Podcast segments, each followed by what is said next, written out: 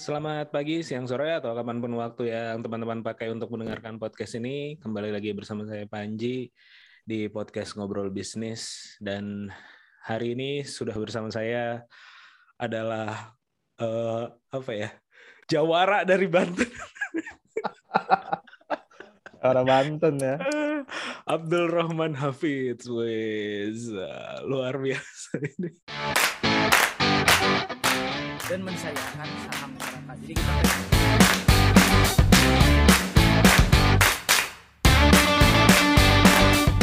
beda sama Jakarta kalau orang Bandung tuh uh, listing investasiin buat sekolah anak. Evolve into something new gitu kupu-kupu mungkin ke- Eh, ayahku tuh satpam gitu kan di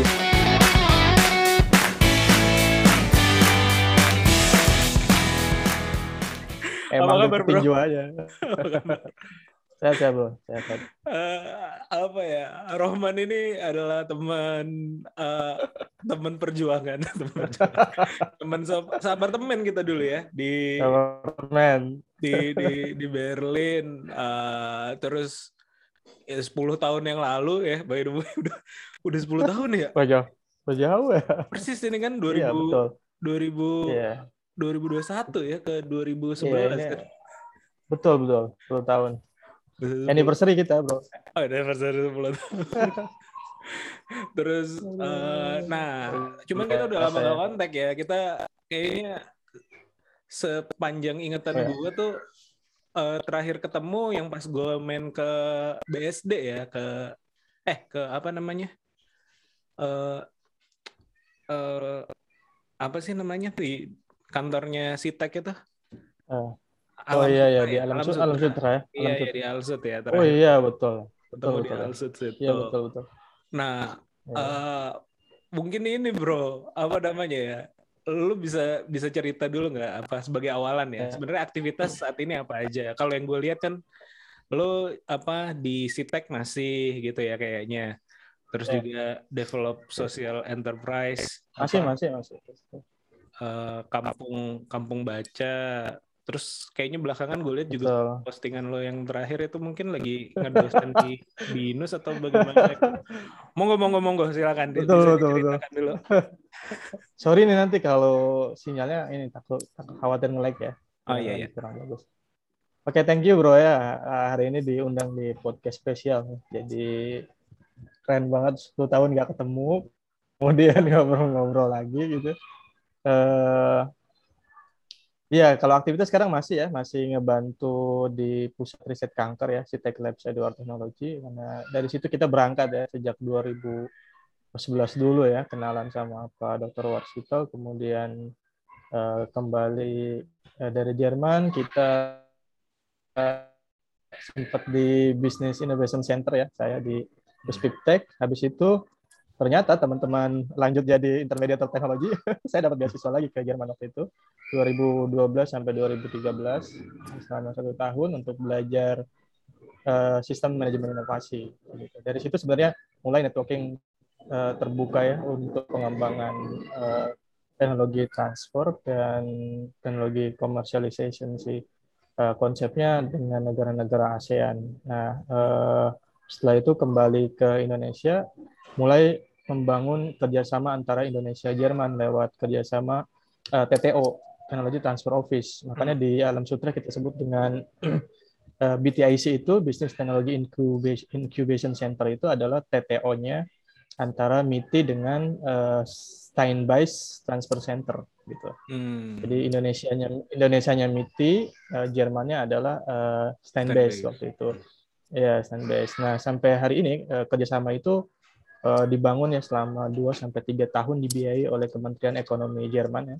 Hmm. Eh, dan ya gua nggak tahu ya, ternyata itu jadi apa ya, jadi passion gua di situ untuk Hmm. ya udah gua nggak mau nggak mau move on pindah ke tempat yang lain karena gue pikir Sitek menjadi apa ya tempat yang tepat untuk kita kalau mau lu beneran belajar eh, teknologi startup kayak gitu ya Hmm. dengan ya, you know lah eh, dengan drama yang luar biasa gitu ya.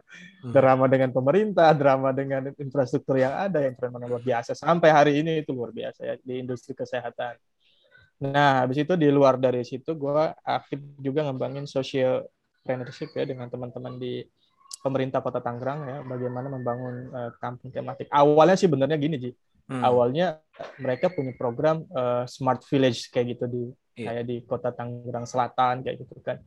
Uh, hanya memang uh, infrastruktur nggak mendukung nih gitu kan. Hmm. Kalau mau lebih keren-kerenan kayak gitu, smart yeah. village yang ya high teknologi dengan uh, misalkan speed internet yang cukup bagus, kemudian difasilitasi dengan support dukungan digitalisasi, uh, akhirnya kita coba rasionalisasi. Kayaknya nggak sampai nih, maksudnya terlalu tinggi kita bilang smart village gitu kan. Hmm. Uh, akhirnya kita buat namanya kampung tematik dengan pemerintah Kota Tangerang gitu. Jadi di setiap kecamatan di Kota Tangerang mesti mempunyai kampung unggulan namanya. Hmm. Kampung unggulan itu didasari terlebih dahulu oleh prinsip PHBS ya perilaku hidup bersih dan sehat gitu. itu aja gitu. Banget ya. Pemerintah banget ya. Makanya nomenklatur itu coba nyesuaiin aja gitu. Uh, gua, uh, ya yang penting gue pikir gini, yang penting uh, ada kontribusi apa yang yang paling make sense ya dilakukan oleh masyarakat gitu kan daripada lu keren-kerenan tapi masyarakat nggak ngerti ya mau bikin apa sih smart village ya udah perilaku hidup bersih dan sehat gitu jadi setiap orang uh, di masyarakat perlu me, apa namanya menjagalah hidup bersih dan sehat itu aja tapi setelah itu outputnya apa namanya proses untuk sampai ke situ kita buat uh, kompetisi ya kita buat kompetisi uh, setiap uh, kampung gitu untuk membangun uh, apa namanya membangun apa sih uh, selling point dia, uniqueness iya. dia gitu. Kalau kita bicara BMC itu kayak value proposition value lah gitu kan. Hmm. Ya, kalau kita uh, muncullah macam-macam tuh di ya, di Kota Tangerang tuh. Kalau hmm. uh, gua kebetulan main di tadi ya lebih ke library dan uh, learning center kayak gitu. Hmm. Tapi basisnya ada di tengah-tengah kampung. Kira-kira begitulah. Nah, biasanya hmm. library ada di tengah-tengah kota. Ini gue cuma tarik doang ke kampung yes, gitu doang sih konsepnya gitu. Itu doang sih sebenarnya. Tapi itu menjadi menarik karena uh, model perpustakaan dan pusat belajar yang nyaman, yang ya ada sentuhan-sentuhan teknologi gitu kan. Itu yang menjadikan uh, project yang gue garap ini jadi project percontohan sih se Kota Tangkrang gitu. Dan uh, itu tahun 2020 kita jadi uh, eh 2021 ini jadi apa disebutnya apalah the first winner kayak gitulah. Hmm. nah, kayak begitu gitu. Dan terakhir ya gue gabung di uh, diminta jadi dosen di Binus Business School bro di hmm. CWC Senayan untuk masuk ke akademi oh, di Senayan coba ya? yang di Senayan ya Senayan ya hmm. yang uh, uh, international school yeah. dengan ya itu itu sih sebetulnya jadi baru dua bulan ini sih gabung dengan mereka eh ya dua bulan sih itu untuk menambah ini aja apa hasrat entrepreneurship ya hmm. karena karena apa namanya tuntutan ini ya tuntutan akademik ya selesai S3 2020 gue akhirnya mikir buat kayaknya gue harus ini ya apa namanya uh, iya gitu begitu sih jadi tiga aktivitas tadi ya entrepreneurship, hmm. sociopreneurship sama uh, ngedosen lah kira-kira hmm. begitu bro. jadi kita ngobrol ngobrol itulah kita itu. iya iya iya. Itu itu apa um, yang apa ya? Mungkin gue bahas dari yang dari yang terakhir dulu ya, yang uh, lecturer ya, uh, yang yang yeah, yeah. Ya. dosen ya. Gue juga baru tahu sebenarnya ketika kemarin lo post itu bahwa Rohman ini ternyata udah S3 gitu, udah doktor, luar biasa sekali gitu loh. Gue gue sebenarnya agak nggak nyangka karena gue pikir track lo adalah track uh, ketika kita baru kenal ya atau waktu dulu yeah, yeah. dan segala macam ya tracknya adalah track entrepreneurship ya mungkin uh, pengusaha gitu ya mungkin tidak yeah, terlalu yeah. dalami ke uh, eduka eh, eh kita belajar umum gitu bukan belajar struktural yeah. kayak gitu yeah, atau yeah. tadinya gue sangka ini anak nih tipe-tipe politisi nih nantinya nih gue kira seperti itu gitu loh uh, nah cuma kenapa lo memutuskan itu S3-nya di UNJ gue lihat lo kan iya iya di uh, S2-nya di oh. ya S2 waktu itu gue ya di Indonesia juga sih ah iya, iya. Ya. ya. kenapa lo apa ya kenapa lo memutuskan untuk eh, sekolah ya pada waktu itu S2 ke S3 eh, S2 selesai lalu lanjut S3 lagi gitu. Iya, eh, menarik menarik dia. Hmm. Politisi gue ketawa juga ketawa juga. Tapi- ya dulu sempat sekarang udah yang jadi modal. nawar-nawarin. Tapi sekarang udah udah udah ada modal loh untuk jadi politisi dan gue lihat juga kan secara pembawaan sangat cocok lah presence di sosial medianya dan dari dulu gue gue, gue yakini itu dan salah satu temen maksudnya teman-teman di, kita di sesama waktu itu ke Jerman eh, Iya. Rohman yang punya modal kayak gitu. Iya iya iya. Prediksi lu sih tepat ya. Gue kayak di kota Tangerang nih kayak di gadang-gadang oh, nyalon wali kota segala macam. Gue pikir ngapain gitu kan. Eh, iya masuk masuk bursa di partai politik itu ada bro di kota Iya, iya. Tangerang. Tapi gue pikir waktu itu gue milih untuk gue masih muda. Gue pikir gue harus ekspor dulu lah. Eh, maksudnya cari modal bukan hanya modal knowledge ya, tapi juga modal money bro gitu. Iya, gue juga buka ini startup bisnis ya di bidang eh, cargo handling, cargo handling di karena aktif juga di Kadin di Kamar Dagang Chambers of Commerce eh, chapter bandara. Jadi kalau arah track itu ada sih pengusaha ya Hmm.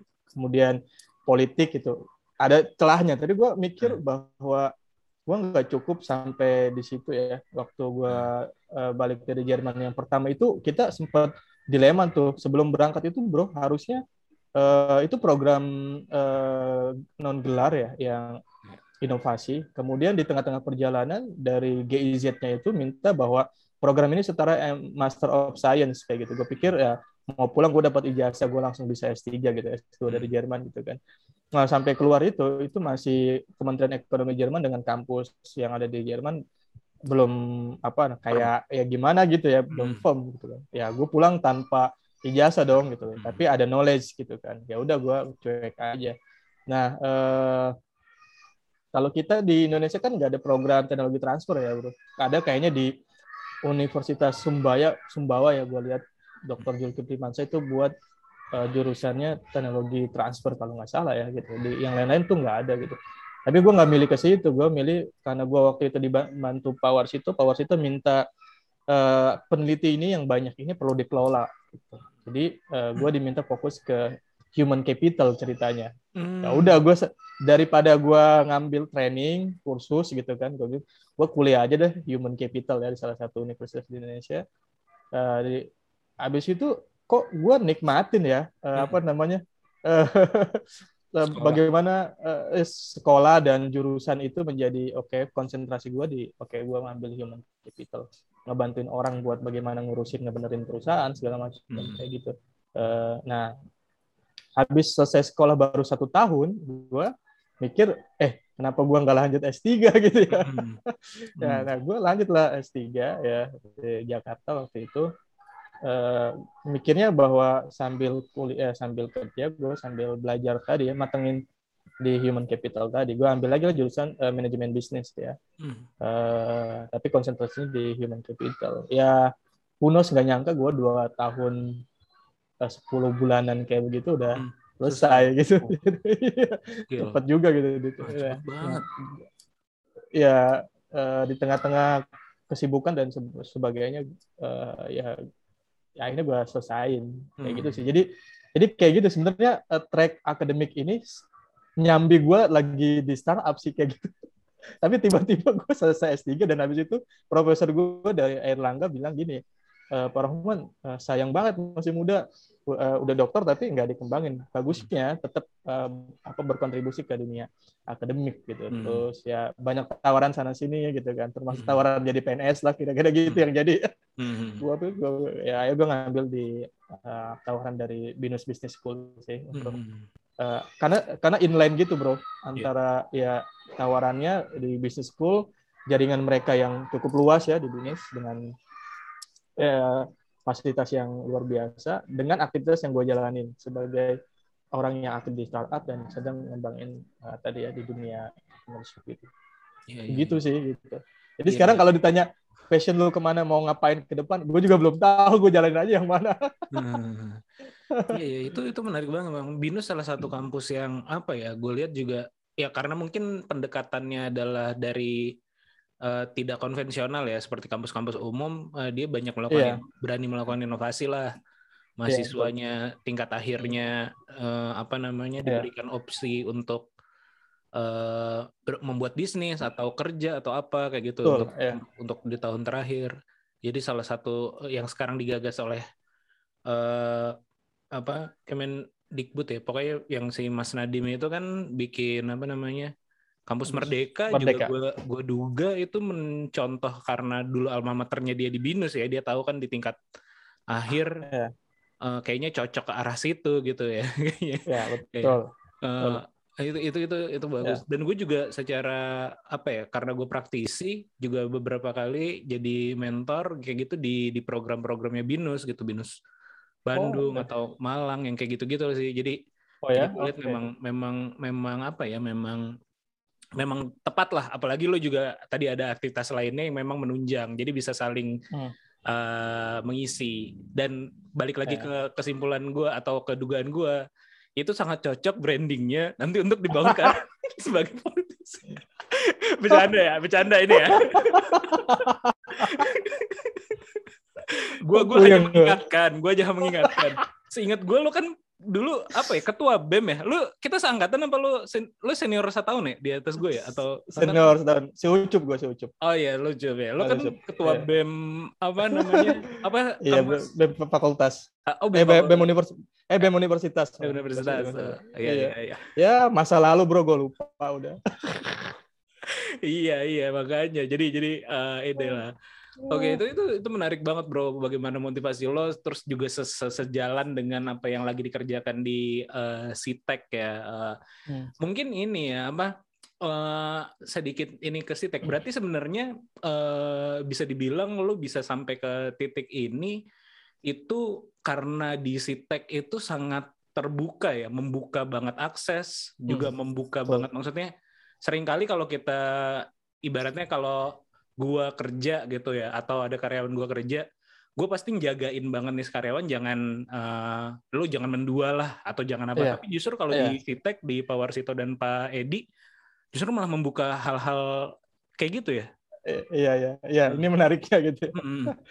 Menariknya kan memang eh, ya Power Situ sama Pak Edi kan orang-orang yang punya peran besar ya buat kita dulu di Intertech gitu kan. Hmm. Jadi kayak ada privilege lah buat mereka-mereka yang kayak ya, lu, lu udah punya knowledge gitu kan. Eh, Hmm. terus gabung ke gua gitu kan. Kalau misalkan eh, lu harus mau bermetamorfosa jadi ya berkembang besar gitu. Lu cari ke mana aja dan bagaimana aja Hmm. yang penting eh, bisa membangun eh, Sitek dengan cita-cita yang besar gitu kan karena kita eh, punya kayak gini loh kayak ring satu gitu kan Hmm. Emang nggak nggak semuanya sih nggak punya punya privilege yang bisa walau dia kerja di sini bisa ngerjain yang lain kayak gitu kayak ada beberapa orang yang dikasih kesempatan untuk eh, bisa lu bisa juga buat startup startup bisnis gitu lu bisa juga sekolah kayak kemarin kita kenal Mas Andri ya Hmm. Eh, eh, dengan pada saat Sitek lagi hektik-hektiknya, tapi Power itu ngizinin dia untuk eh, sekolah ke NTU Hmm. gitu. Syukur ya. Eh, iya, NTU. Gue juga lagi S, lagi S3. Jadi eh, apa namanya ring satunya lagi pada hilang, tapi tetap kita bertanggung jawab untuk mengerjakan itu dan dia Power bilang bahwa eh, sudah kalian kembali ke kantor dengan knowledge yang baru dengan eh, paradigma yang baru ngobrol dengan orang banyak segala macam eh, kita akan tumbuh lebih lebih besar ketimbang kalian di sini netep tapi ilmunya segitu-gitu aja gitu. Gitu kayak gitu. Ya, ya. Jadi kayak apa ya? eh, investment in advance lah kayak gitu. Dia sadar betul bahwa di situ investasi dia gitu kan. Ya, itu kan prinsip eh, foundation ini ya, apa human capital investment kan kayak Iya, iya, begitu iya. lah. Iya benar. Kalau dari sudut pandang human capital memang itu investasi sih. Kalau kalau dalam Iya. konteks eh, maksud maksud gue kalau dalam konteks eh, disekolahin, oke nggak masalah sih kalau disekolahin. Ah. Cuman kan eh, ini bukan cuma disekolahin tapi kayak dibiarkan atau di malah diizinkan untuk melakukan aktivitas misalnya entrepreneurship lain yang lo lakukan misalnya Iya. di kota Tangerang atau juga eh, sambil mengajar. Eh, kalau dari tim Sitek melihat hal itu, eh, apakah memang dibiarkan eh, berkembang? Nanti biar bisa membuka jaringan kah? Atau ada ada intensi untuk ke arah sana? Atau memang ya udahlah nggak apa-apa sekedar aja gitu? Atau memang biar biar ini adalah strategi? Atau memang memang eh, kebetulan seperti itu Eh, Kalau menurut lo ya kalau kalau menurut pandangan lo ini ini agak sedikit Eh, iya, Ah. tapi gini bro, ya, you know lah bisnis itu kayak gimana gitu. Ah. Jadi setiap kebijakan diambil pasti akan apa ya, lu pasti akan terima return. Tetapi Hmm. kan kapan di kapan kita nggak pernah tahu kan return itu seperti apa. Dan gue meyakini bahwa ketika itu privilege dikasih ke kita cukup besar gitu kan, Hmm. eh, ada strategi yang kita bangun. Kayak misalkan gue Hmm. Ini apa namanya kerjasama dengan teman-teman di pemerintah kota Tangerang gitu kan. Kita eh, who knows kan ke depan misalkan Sitek butuh perizinan dan sebagainya. Hmm. Kita komunikasi dengan Pak misalkan wali kota segala macam. Itu juga menjadi eh, jaringan yang cukup luas kan dan Hmm. sampai hari ini kita eh, eh, apa namanya selalu kok apa bendera yang kita bawa ya Sitek walaupun ke Hmm. ke mana aja kayak gitu aja sih sebenarnya. Hmm. Jadi eh, tadi ya prinsip tadi eh, returnnya kapan di kapan pasti dapat itu yang kita Iya, yakinin iya. sih sebetulnya. Iya iya iya iya. Iya iya. itu itu itu itu menarik banget sih. Dan dan gue lihat berarti memang si tech ini apa ya lo udah bagi udah jadi identitas dan juga udah jadi bagian ya tadi seperti mungkin udah lo singgung lo adalah ring satunya lah udah udah intinya ya di situ ya. Ya nggak tahu. Gue itu tadi ini aja sih lepasan aja betul nggak tahu istilah yang paling Ah, tepat apa gitu. ah, iya iya iya iya jadi maksudnya pasti akan terus menerus membawa identitas ini dan juga membawa idealisme yang ada di Sitek bahwa ini bisa jadi solusi untuk eh, problem yang memang disolusikan oleh Sitek ya dari eh, Iya. terapi kanker dan dan Betul. turunan-turunannya kayak gitu ya. So far ya. Iya iya. Nah terkait dengan itu, itu kan sebenarnya adalah salah satu apa ya? Eh, tadi kayak kayak kita bilang ya, kita dulu belajar di Jerman di sesi sesi awal ya, eh, yaitu terkait dengan teknologi transfer, komersialisasi, Ya. session kayak gitu. Terus lo menambah lagi satu tahun untuk men- lebih mendalami itu gitu manajemen inovasi dan dan seterusnya kayak gitu. Eh, ini mungkin jadi agak-agak ini ya eh, miris atau bagaimana ya? Atau atau nggak tahu gue faktanya di lapangan kalau kalau menurut pandangan lo. Eh, ketika lo balik ke Indonesia, lo tidak menemukan apa ya? Apakah eh, ekosistem itu udah ada yang pertama? Lalu eh, lo lihat di Sitek, terus juga kerjasama MITI dengan stand base tadi. eh, itu bagaimana tuh eh, kondisi kalau kita bicara transfer teknologi ya di Indonesia menurut menurut pandangan lo dari dari sudut pandang yang udah Ya. lo belajar tiga bulan terus nambah satu tahun Ya. lagi terkait itu balik ke Indonesia gimana tuh?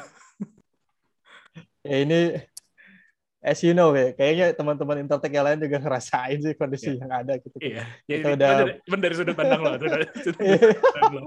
udah bug big book kayak gimana aja eh eh, sama ya jadi eh, Hmm. di kita tadi ya eh, apa ekosistem inovasi belum bisa dibangun bro dari sektor eh, apa namanya kan kita pilihannya dua nih ya ekosistem public sama private gitu kan. Hmm. Nah, waktu kita kerjasama dengan Jerman itu kan mengawinkan dua area ini kan private sama public. Kita ngelibatin juga konsep yang kita kenal dengan triple helix itu kan, Ya. kita harus libatin government dong gitu kan. Tapi apa yang terjadi mereka besoknya pada eh, project project base gitu kan, kemudian seremonial talk kayak gitu gitu kan. Eh, ki- sebenarnya kita kita udah bikin master play, plan yang kira-kira keren lah gitu ya, yang yang Jerman minded. Eh, tapi mentoknya pada hal-hal yang kecil. Lu tahu kerjasama kita hancur karena apa? Cuma karena terlambat tanda tangan birokrasi itu. Dan orang Jerman ketawa-tawa gitu kan. Masa kamu nggak bisa ngurusin cuma tanda tangan dan itu udah deadline? Ya itu yang membuat kita. Itu ya begitulah you know lah. Itu jadi birokrasi yang hancurin. Padahal eh, apa ya nggak nggak make sense gitu kan. Eh, kerjasama yang udah keren-keren gitu kan. Yang ngalahin hanya birokrasi yang ada di kita. Jadi infrastruktur tadi ya eh, barriers-nya gitu kan Hmm. adalah itu gitu kan. Kalau enablers ya saya apa ya enablers kita kan ya kayak SDM kita yang ngerti tentang inovasi udah banyak banget. Tapi balik ke sini ya kayak begitulah gitu kan. Eh, kita udah bangunin yang bayangan kita waktu itu adalah teknologi transfer office itu dapat memfasilitasi ya hal yang paling kecil ya small medium enterprises lah kayak gitu ya. Kita kita ambil piloting project di beberapa uh, kota kabupaten yang paling mungkin untuk kita develop gitu kan. Dan pemerintah setempat juga udah oke okay, gitu kan. Tinggal uh, kenapa kita harus gandeng mereka? Ya itu kan uh, in, apa namanya in term of international cooperation ya. Nggak bisa langsung ujuk-ujuk lu antara uh, B2B tapi juga yeah. lu harus uh, government lu harus libatin kayak gitu kan jadi begitu sih ceritanya jadi gue pikir memang uh, kita harus gue nggak pikir kita gagal sih tapi kita butuh penyesuaian ya dengan ekosistem yang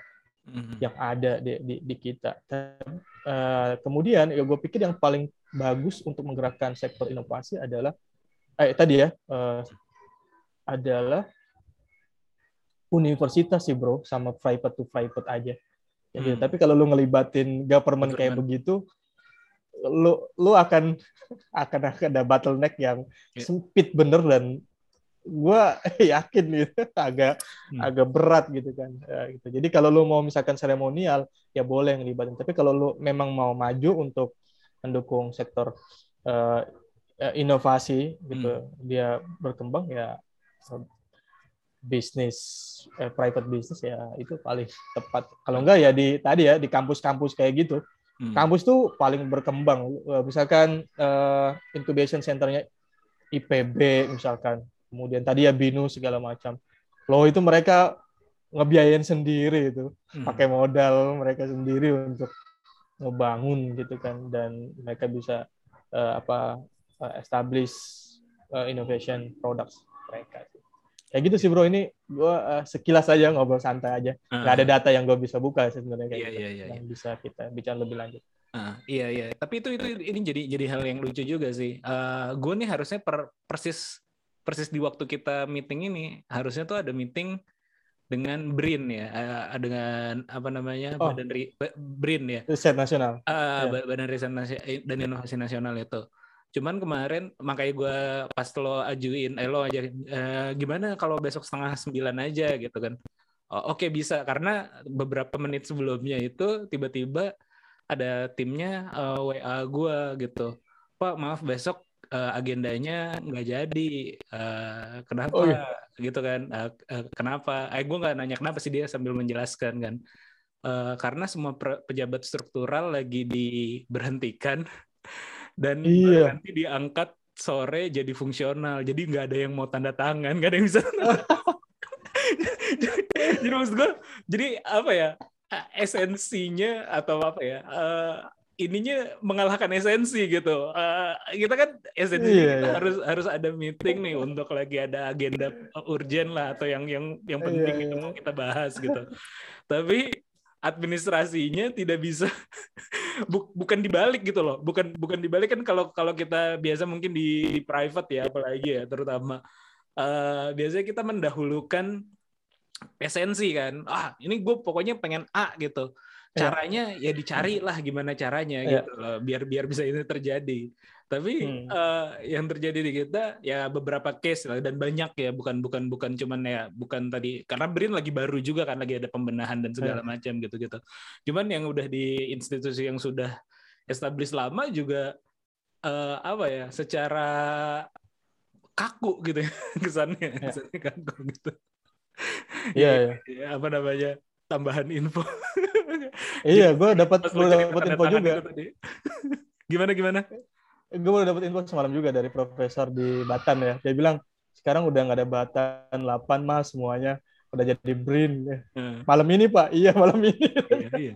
iya kemarin juga Kocak gitu nggak jadi meeting salah satunya apa gue pikir maksudnya kan ada ada esensi yang lebih urgentnya lah kalaupun masalah yeah. itu nanti bisa dikejar atau bagaimana mungkin ya teman-teman ya yang nggak tahu juga ya mungkin memang beda mindsetnya seperti itu uh, tapi kan uh, kita udah 10 tahun ya sejak be, sejak berangkat ke Jerman pertama kali dan juga mungkin tujuh tahun setelah lo hmm. balik hmm. dari uh, pendidikan tambahan dengan GIZ itu ya apa uh, ya program yang ASEAN apa tadi ASEAN ASEAN German Innovation ya. Uh. Ah, nah itu eh, menurut lo setelah tujuh tahun atau setelah 10 tahun ini lebih baik nggak sih kondisi ekosistem inovasi di Indonesia atau misalnya kalau kita bicara praktis eh, inkubator atau atau playernya ya, inkubator teknologi transfer office eh, jauh lebih baik nggak sih menurut pandangan lo? Iya, ya sebenarnya sorry to say ya. Nah. jauh bro, jauh semangatnya jauh, turun bro, drastis. Justru Ya turun menurut lo semangatnya? menurut gua tuh semangatnya turun. Kayak Hmm. kita, ya, kayak misalkan gua ngelihat ya, waktu kita pulang itu kan eh, banyak teman-teman kita ya, mungkin lo juga ya, ada Hmm. incubation center segala macam, termasuk MITI yang ada di kita juga gitu. Itu kan waktu itu kita jadi apa backbone kita itu kayak ngarepin maksudnya project-project pemerintah segala macam kan kayak gitu ya untuk bisa bertahan eh, hidup lah. Le- le- eh, sorry itu saya itu kayak begitu gitu. Eh, sekarang itu hilang semua tuh. Kayak misalkan Business Innovation Center yang ada di Puspiptek itu harus keluar dari Puspiptek setelah bertahun-tahun, kemudian dia keluar sendiri. Eh, akhirnya fasilitas yang ada ya, eh, peneliti-peneliti yang penelitian baru ya di Puspiptek gitu, eh, atau ada di lingkaran LPNK ya, Lembaga Penelitian dan Kementerian itu nggak ada lagi fasilitator yang bisa Hmm. eh, apa mengencourage kayak dulu kan ada 100% apa plus Iya. innovation, Innovation. gitu kan Mhm. bukunya Pak ya, Chris ya. yang di BIC ya Pak Kristanto itu gua rasa sekarang jadi kayak jadi kayak apa ya gaungnya juga turun gitu kan kemudian dulu Pak Sandi juga kan di Inno Innotech. apa Innotech segala macam itu juga enggak lagi gitu kan tapi Hmm. yang gue lihat emang pertumbuhan yang pesat sekarang adalah eh, UMKM sih bro Hmm. Eh, peningkatan ya itu sih Ya, mungkin lu juga bisa lihat data eh, itu ya orang coba survive di tengah-tengah Hmm. eh, COVID-19 pandemic kayak gini gitu kan. Jadi ya, tumbuh sih. Cuma kalau kita lihat kayak gitu kan itu eh, apa ya eh, first stage dari innovation eh, scope kita gitu. Belum kita ya itu hanya misalkan ya yang numbuhin entrepreneurship index aja sih. Walaupun kalau kita lihat di data global ya kayak misalkan perbandingan antara global innovation index dengan global entrepreneurship index ya entrepreneurshipnya naik tapi inovasinya yang menurun. Itu cuma karena misalkan orang bikin produk walaupun nggak inovatif ya laku karena orang pengen ngedukung wirausaha. Kayak gitu doang sih sebetulnya. Hmm. tapi kalau kita bicara incremental atas nama enggak in- ya? incremental enggak. Jadi Hmm. ya sebenarnya gua gua lihat ya itu itu yang terjadi yang yang, yang sekarang kayak gitu. Eh, apalagi di era pandemi sekarang sih. Ini nggak tahu ya. Gue lihat dari dari tadi indeks secara global entrepreneurship kita eh, naik sih untuk ya pasca ini. Cuma innovationnya justru justru turun gitu kan. Yang Iya, yang eh, dari beberapa fakta yang terjadi. Loh, ya kalau misalkan nggak terjadi pandemi mungkin kita akan berkata lain ya. Cuma ini juga akan menjadi PR besar buat kita untuk untuk bangkit lagi sih. Jadi eh, sebenarnya kan gini entrepreneurship plus innovation adalah competitiveness kan. Iya nggak sih? Iya Hmm. kan? Betul. itu kenapa eh, secara indeks global kan ketiga-tiganya punya indeks tuh Global Innovation Index, Global Entrepreneurship Index, sama Global Competitiveness Index kan, gitu kan. Karena memang tiga ini ya perkawinan lo berwirausaha ditambah lo berinovasi, ya competitiveness index kita bisa naik gitu kan. Jadi sekarang kalau kita bicara bicara hanya yang naik hanya entrepreneurship index, nggak dicampuri misalkan tidak ada apa namanya eh, apa tidak ada masukan tentang inovasi, gua rasa ke depan pasca pandemi eh, daya saing tetap akan sangat berat. Hmm. Jadi harus ada praktisi inovasi eh, itu untuk masuk meningkatkan eh, daya saing untuk Hmm. untuk tadi ya memperkuat entrepreneurship kita sih. Gua rasa itu sih. Iya, Jadi iya, berat obrolannya. Iya iya nggak apa-apa. tapi tapi menarik sih memang. Eh, mungkin mungkin lu, juga- lu juga kemarin sempat sempat gue share juga ya di di grup Intertech itu. Ada beberapa teman-teman gitu dan juga sebenarnya juga mungkin nanti eh, tim intinya mungkin akan approach lo juga ya. Bahwa Ya, kemarin kita mau mencoba inisiasi menghidupkan lagi eh, apa namanya eh, kegiatan intermediasi teknologi gitu eh, dengan nama Altek kalau lo kemarin Oh, ya. sempat Ah. Altek ID ya. Altek ID itu. Eh, eh, karena ya tadi benar yang yang yang kita rasakan juga yang gua rasakan juga mungkin ada beberapa yang mulai luntur gitu ya terutama aktor kalau kita dulu bicara eh, pendidikan di Jerman ya mm, kan sebenarnya dari aktor eh, entrepreneur atau UMK atau SMI itu itu Ya. adalah di micro level gitu kalau di eh, makro Ya, levelnya government kayak gitu nah eh, kita masih percaya atau masih melihat ya di Indonesia nih yang di meso level agak-agak miss nih, agak-agak hilang yang di meso level, baik itu ya tadi TTO atau segala macam. Nah, teman-teman mau mencoba mengisi itu gitu, mau mengisi di situ atau ya jadi enabler juga. Kalau gue lihat sebenarnya justru kalau eh, ya tadi kayak lo bilang di kampus sebenarnya TTO muncul, inkubator tumbuh di mana-mana kayak gitu-gitu. Iya. Cuman mungkin ya tadi karena memang dorongannya itu eh, sifatnya seremonial, jadinya jadinya masih belum eh, berfungsi dengan baik gitu. Makanya eh, pengen ada si Altek ini biar bisa kayak eh, ini loh cara-cara yang eh, baiknya atau yang benernya dengan kita bikin eh, webinar eh, dari belajar dari Jerman atau belajar dari Australia dari dari negara-negara maju kayak gitu pengen pengennya kayak gitu mungkin nanti apa eh, teman-teman yang kayak Mas Budi kan jadi kepalanya nanti mungkin akan approach lo untuk ikut ikut bantu kalau Oh gitu ya. ada ruang lah Menarik, menarik. Eh, eh, Siap, siap, eh, siap.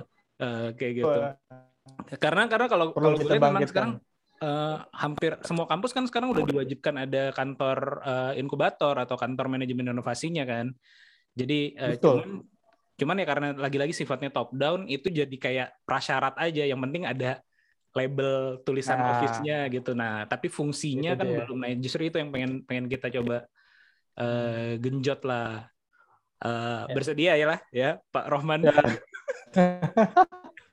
Siap lah, itu, kan kerjaan kita kan. iya iya Yang tadi menyesuaikan aja, menyesuaikan nanti. Iya, santai kok. Ini kan semua juga pada ada aktivitas, jadinya uh, di, Iya. di sela-sela lah gitu. Eh, terus gue gue pengen ini sih, pengen pengen nanya tentang ini menarik banget ya, yang tadi lo ceritain pertama kali justru, yaitu adalah si eh, sociopreneur activity lo dengan kampung baca eh, di di Tangerang ya. Eh, eh, by the way, Iya. gue nanya dulu. Tangerang itu cara bacanya Tangerang apa Tanggerang sih sebenarnya? Soalnya lo tadi bilangnya Tangerang gitu kan, sedangkan gue taunya Tanggerang gitu. Yang bener yang mana? sebagai lokal, Iya, orang sebagai lokal representatif. orang orang Tangerang sendiri bacanya Tangerang. Oke oke ya ya. Gue gue Ya gitu ya. percayalah karena lo kita kan nyebutnya Tangerang ya. Ah, Tangerang. Tangerang. Oh, Yang bener Tangerang. nah, itu Iya. itu eh, yang lo lakukan itu menarik banget sih. Jadi jadi justru eh, lo mencoba apa ya ibaratnya ya, make the most of it ya. Kalau kalau kita bicara Bandung juga banyak Ya. banget tuh, Bro. Model-model apa namanya? desa tematik, kampung tematik yang kayak gitu-gitu. Eh, Jawa Barat juga yang kayak smart village lah, smart eh, Eh. apa ya? energi village lah atau yang kayak gitu-gitu lah. Nah, cuman kan eh, kadang-kadang jauh apa ya? Jauh mimpi dari genggaman gitu maksudnya. eh, Kita ngelihatnya ini tapi sebenarnya masyarakatnya masyarakat yang kita mau coba approach dengan community development itu ya nggak peduli juga yang kayak gitu-gitu. Eh, lebih fokusnya ke praktikal aja dan yang lo bikin sebenarnya kan sesimpelnya tadi kayak lo bilang juga memindahkan perpustakaan yang ada di kota ke tengah-tengah kampung kayak gitu. Itu kampung. Hmm. apa ya eh, perjalanannya menuju ke situ gimana tuh bro? Eh, pertama kali idenya, terus juga eh, apa ya? Eh, dan dan mungkin pertanyaan pentingnya kalau kalau dari gue sih itu kan sesuatu yang eh, sosial atau yang kita bicara eh, kita menaruh idealisme kita di situ gitu. Cuman kan dalam kita ah, menjalankan idealisme kita butuh sustain kan. Misalnya kalau gue punya idealisme doang tapi nggak nggak bisa sustain yang nggak akan berjalan. Lo ini udah berapa tahun? Empat lima tahun kan menjalankan itu gitu. Eh, itu gimana caranya biar sustain? Kalau hanya mengandalkan project-project eh, atau pendanaan dari government kan ya ujung-ujungnya ini lagi gitu. Apa namanya? Ya bukan bukan yang sustain yang bisa berjalan sendiri. Harus ada booster terus Ya, kayak gitu. Ya.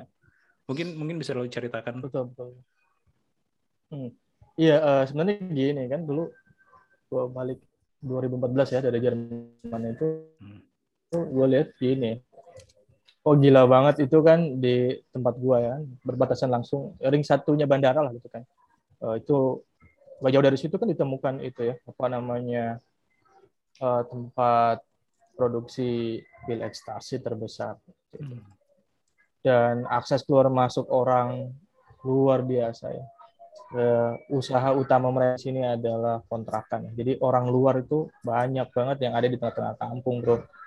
Hilir mudik gitu ya, bolak-balik. Kita nggak tahu, nggak bisa kontrol. Jadi isu utama waktu itu yang gue lihat adalah eh, narkoba dan seks bebas ya. Jadi apa ya pergaulan bebas bukan seks bebas lah, pergaulan bebas gitu kan. Jadi narkoba dan pergaulan bebas itu jadi isu utama yang gue gue lihat dan gue hampir nangis itu ada orang tua sama anaknya malam-malam digerebek polisi gitu gara-gara na- pemakai gitu kan Eh, itu kondisi yang berat bagi gue sendiri ya kita kita ya kaum intelektual yang datang ke kampung yang tempat lahir gue gitu Eh, akhirnya gue bilang sama teman-teman gue bahwa gue mau buat sesuatu gitu buat ya minimal satu gerakan kecil yang bisa kita bangun gitu kan Hmm.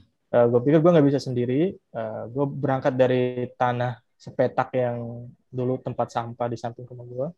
Kemudian gue punya kenalan teman-teman di Angkasa Pura ya, karena gue pikir ya ini praktek ilmu kita lah gitu. Kita mempraktekkan cuma ini eh, kalau kita kenal dengan bisnis model Canvas ya ini sosial itu ada ya SBMC aja sih Hmm. eh, social business model canvasnya gitu. Hmm. Kita kita eh, apa namanya partner kita ya channel partner kita ya mungkin kita gunakan teman-teman eh, dari dana CSR untuk membantu. Kemudian gua gandeng juga pemerintah yang paling kecil yaitu RT ya. Hmm. Kemudian eh, sekup di perbesar jadi RW, lurah, camat sampai sekarang Hmm. ke wali kota. Gue pikir waktu itu yang paling tepat adalah punya untuk menghambat laju percepatan narkoba dan pergaulan bebas, kita harus sumpel itu dengan kegiatan positif anak-anak Hmm. mulai dari dari sekarang. Nah, eh, waktu itu juga gue pikir apa mereka suka baca dan orang mikir lu gila aja bikin perpustakaan Hmm. di tengah-tengah kampung. Gua, nah, gue bilang waktu itu perpustakaan hanya untuk opening uh, the worlds aja gitu kan, Hmm. Uh, membuka dunia aja. Lu yang gue pengen bayangan gue waktu itu adalah di sini bukan hanya tempat baca, tapi lu belajar apa pun yang ada. Jadi gue pengen kasih tempat buat orang anak-anak yang anak muda untuk lu nongkrong di sini cari hal-hal yang uh, positif. Tapi gue nggak minta lu untuk baca aja gitu. Tapi baca itu sangat luas kan. Makanya baca itu bro, itu bukan baca makna letter luck baca, tapi Hmm. bangun cita-cita gitu. Baca itu bangun cita-cita. Ini nih, ini Jadi- Rohman yang gue kenal.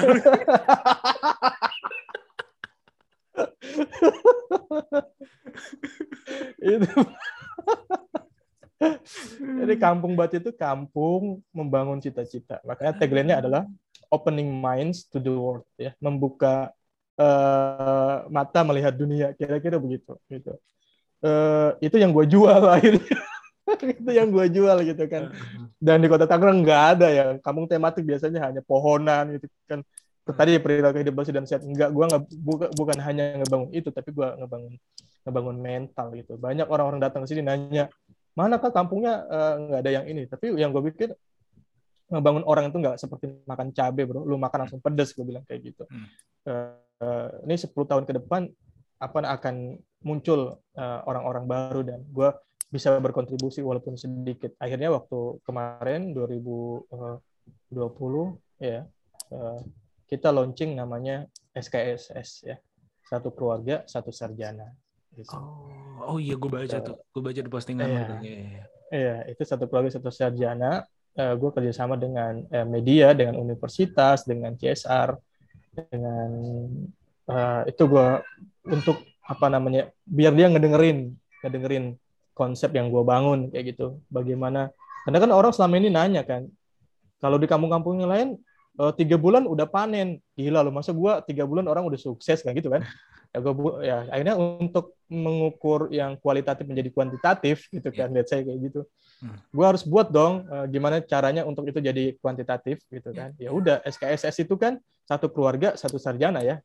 Keukur gue bilang 10 tahun kalau dia sekarang SMA berarti kan eh, empat tahun ke depan satu di dalam keluarga itu udah ada satu orang sarjana. Targetnya kayak begitu gitu kan.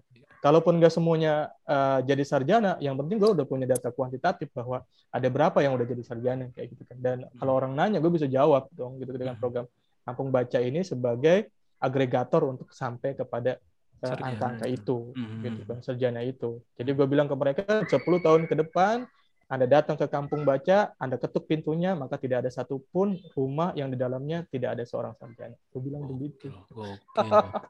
Gokil. Gokil. Gue udah kayak presiden ya. kayak menteri pendidikan. Ya udah ada bakat makanya kan gue bilang. Semua dikerjain gitu. Kacau gitu. Tapi gue berani aja ngomong kayak begitu karena apa ya yang yang terjadi adalah ya dulu kan kita juga di Jerman gitu ya. Ya udah mimpi aja lu pulang ke Indonesia mau bikin apa waktu kita bikin pilot project kan. Iya. Udah keren-keren kan semuanya kan. Ya udahlah. Ada yang bikin lele lah Hmm. terus susu kambing etawa segala macam. Ya Hmm. udahlah lu mau Hmm. ngapain. Nah itu Iya. juga gue terapin juga sih gitu. Iya, iya, iya. Gitu bawa cerita di balik layar. itu itu keren banget sih bro. Eh, ini ini berarti gue gue gue menyambung ininya ya. Berarti ini memang lokasinya kalau per se ya ka- yang disebut Iya. kampung baca ini memang memang deket tempat tinggal lo. Memang deket rumah lo banget ini. Iya, so. Ah, iya, sebelahan. Cuma dulu Hmm. dulu kan ini kampung baca itu dulu bentuknya hanya bangunan ya. Hmm, hmm. Nah, Itu yang disebut kampung baca dulu ya perpustakaan dan pusat belajar.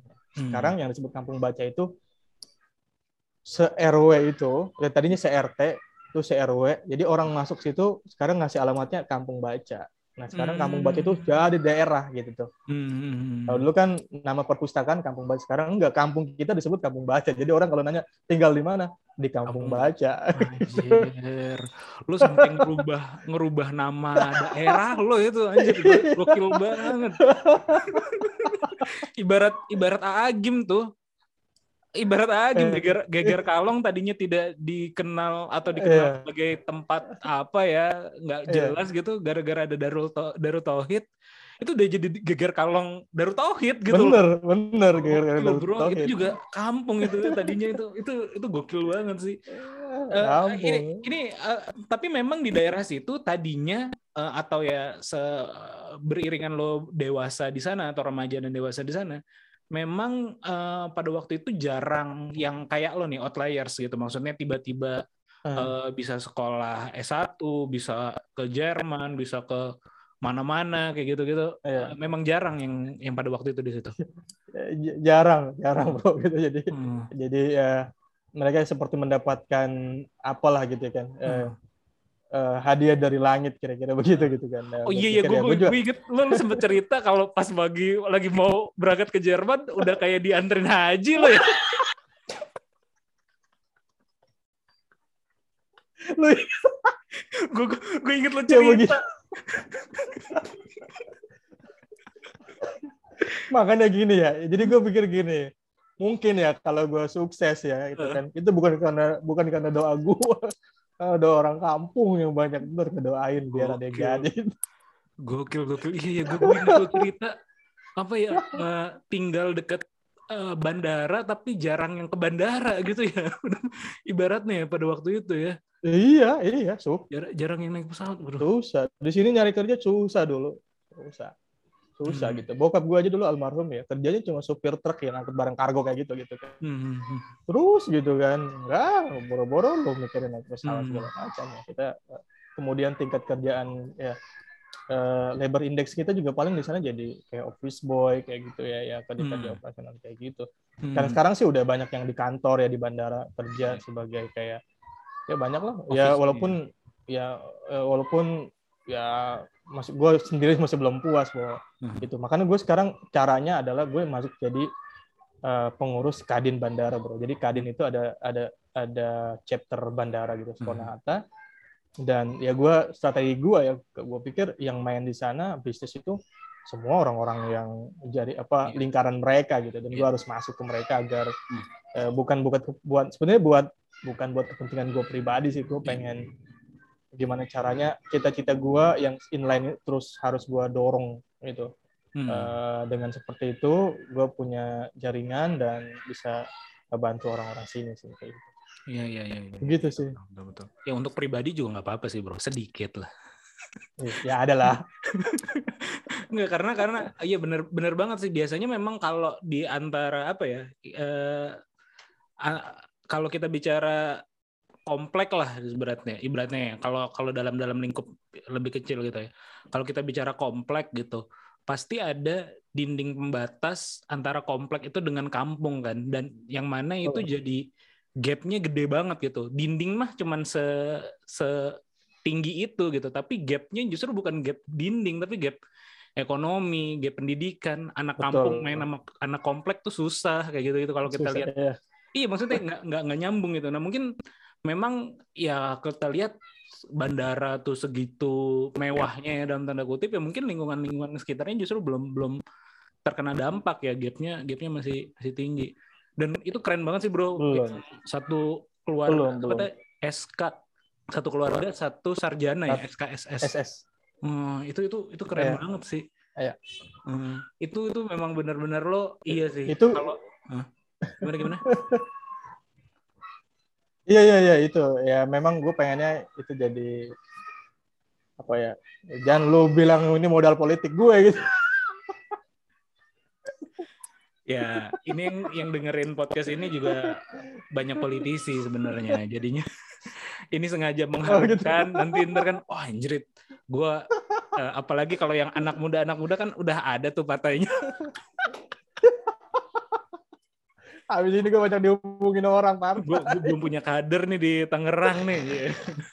Kadin, oh Kadin udah masuk Kadin kan, udah udah ini Eh. satu.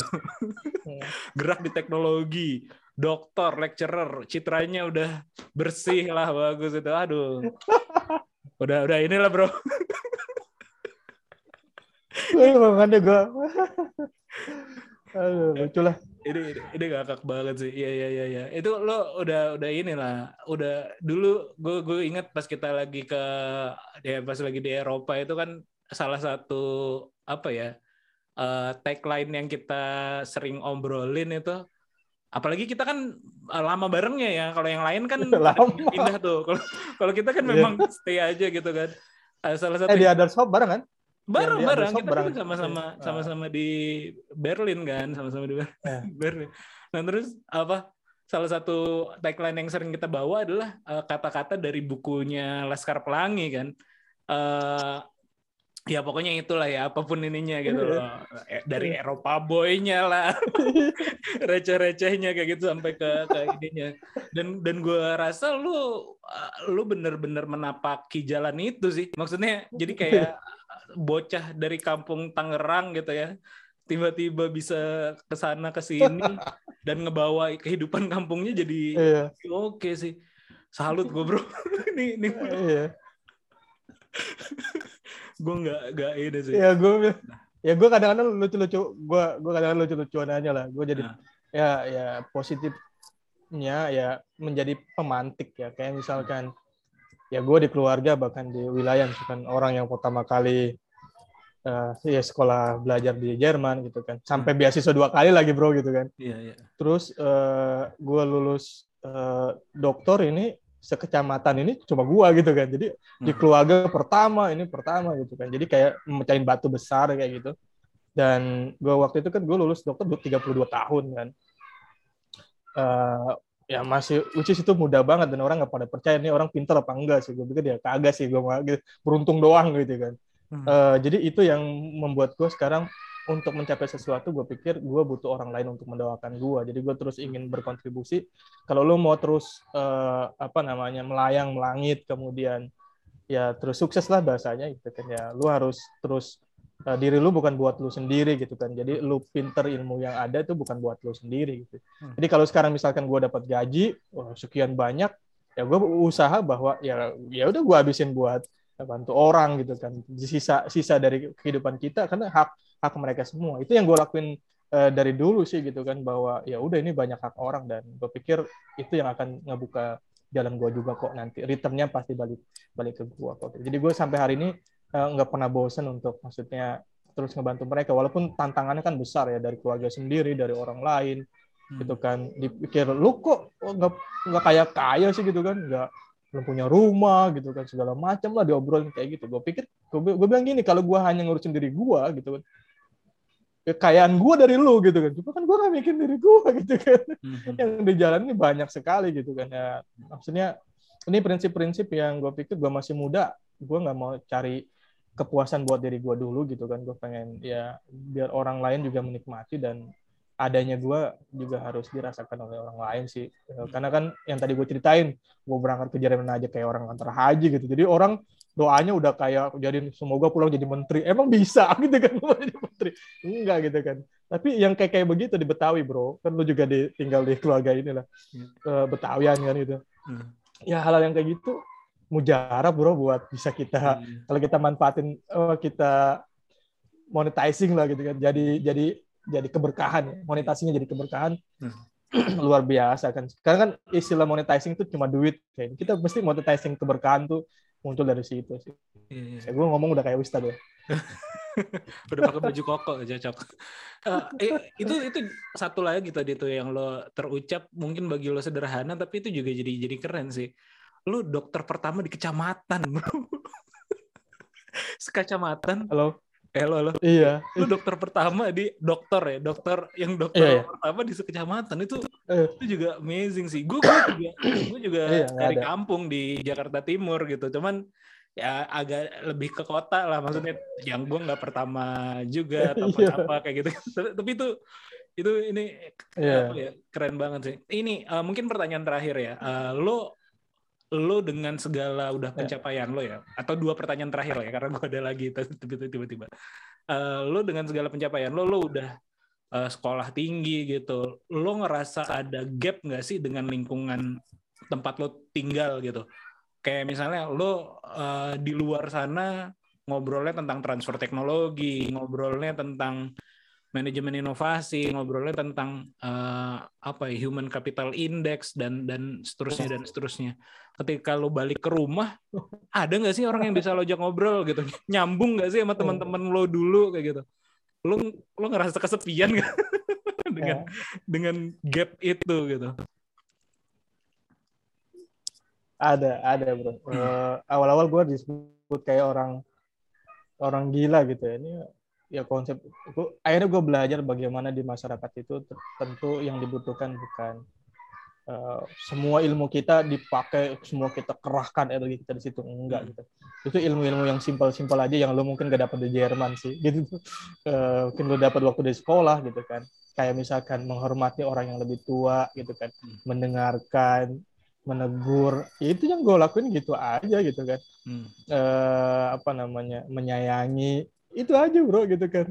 Eh, gue nggak banyak juga ngomongin tentang konsep besarnya. Gue nggak juga ngomong bagaimana milestone kamu baca ke depan. Toh mereka juga nggak tahu sebetulnya yang gue lakuin ini adalah konsep dari triple helix konsep innovation eh, program scoop. Itu kan ngapain gue ceritain kayak begitu gitu kan. Yang tahu ya mereka dapat manfaat dari situ. Kemudian yes kalau tanya lu ngobrol sama siapa aja sih ya gue akhirnya buat namanya buat anak-anak muda itu komunitas angkasa bro Ang- komunitas angkasa itu anak-anak muda yang udah pada kuliah ya yang juga menjadi uh, agregator untuk program SKSS Hmm. yang mereka mau juga pengen keluar keluar negeri pengen ba- bagus gitu kan nah akhirnya gue ya walaupun ya kalau lihat frekuensi ya masih jauh maksudnya banyak yang belum nyambung ya cara kita diskusi tapi gue pikir itu cukup buat gue untuk nemenin nemenin gue di rumah gitu ngobrol tentang uh, hal-hal yang nomenklatur nomenklatur yang tadi lah ya yang, yang kita kenal dengan innovation dan human capital kayak begitu sih. Jadi ya nggak kehilangan sih. Justru uh, cita-cita gue akan membuat uh, in, apa nama kan kita dulu kenal dengan konsep inti plasma ya. Hmm. ya ya dem plotting system itu kan ada inti plasma kayak gitu. Jadi gue pengen ada plasma-plasma baru yang muncul sih kayak gitu intinya udah ada tinggal plasma baru yang muncul dan konsep kita yang kita kembangkan ini akan eh, dari pemerintah bilang akan diduplikasi ke setiap eh, kecamatan di Kota Tangerang. Ada 13 kecamatan yang nanti akan ada kampung baca kampung baca eh, sendiri. Nah, itu yang gue sebut dengan plasma-plasma gue sih kayak gitu sih. Jadi tapi kalau yang beneran teman diskusi banget tentang ya ya gue nggak nggak ya nggak ya nggak ketemu dan akhirnya di masyarakat ya dikenal lagi ya manggilnya ustadz gitu kan. Ya disuruh ayo macam-macam gitu. Ya, ya gue nikmatin aja gitu kan. Jadi yang lebih bermanfaat sebetulnya bukan maksudnya ya maksudnya lu di lu di luar dapat gitu kan. Terus masyarakat juga nggak butuh semua ilmu lu loh lu nggak akan diminta semua ilmu yang lu dapat di masyarakat. Mungkin yang kecil-kecil aja. Itu udah mereka membuat mereka amazing udah membuat mereka ya puas segala macam gitu. Jadi kadang-kadang kita juga ya santai aja jangan yang terlalu wow oke, saya datang dari dunia yang berbeda gitu. Mhm. enggak gitu. Gitu sih bro kalau pertanyaan lu tadi gap. Hmm. Iya, ya iya, kayak kayak switch kayak gini loh kayak switch on switch off aja gitu. Iya. pulang kerja langsung switch off tuh gua tuh langsung jadi diri gua di kampung gitu Ternyata Hmm. pas ini lagi udah switch on lagi kayak gitu Iya. Itu aja sih. Iya, iya, iya, betul, betul, betul. Iya, so- soalnya gue juga kadang-kadang, kadang-kadang kayak gitu ya. Kebetulan kalau teman-teman yang teman-teman besar bareng, ya ada memang yang mungkin bisa tetap diajak nyambung gitu. Teman kan kalau yang enggak dan lebih banyak yang enggak, ya obrolannya obrolan-obrolan tongkrongan kan kebanyakan. Kalau kalau gue lihat di Iya, iya. gue kan kebanyakan hanya kayak gitu. Nah, eh, padahal ya kita pengen pengen ngebangun, apalagi di konteks lo, lo pengen ngebangun ya lingkungan itu biar biar bisa sama-sama maju lah. Oke bro, eh, eh, sukses terus buat Siap. ininya eh, di siteknya su- sukses, siap siap juga di Ah, kampung bacanya sukses, di eh, amanah barunya di dosen eh, juga sukses gitu. Mudah-mudahan bisa jadi di struktur juga nantinya ya di Ya. binusnya. Ya ya target Hmm. guru besar Wih, mantap, mantap, mantap, mantap.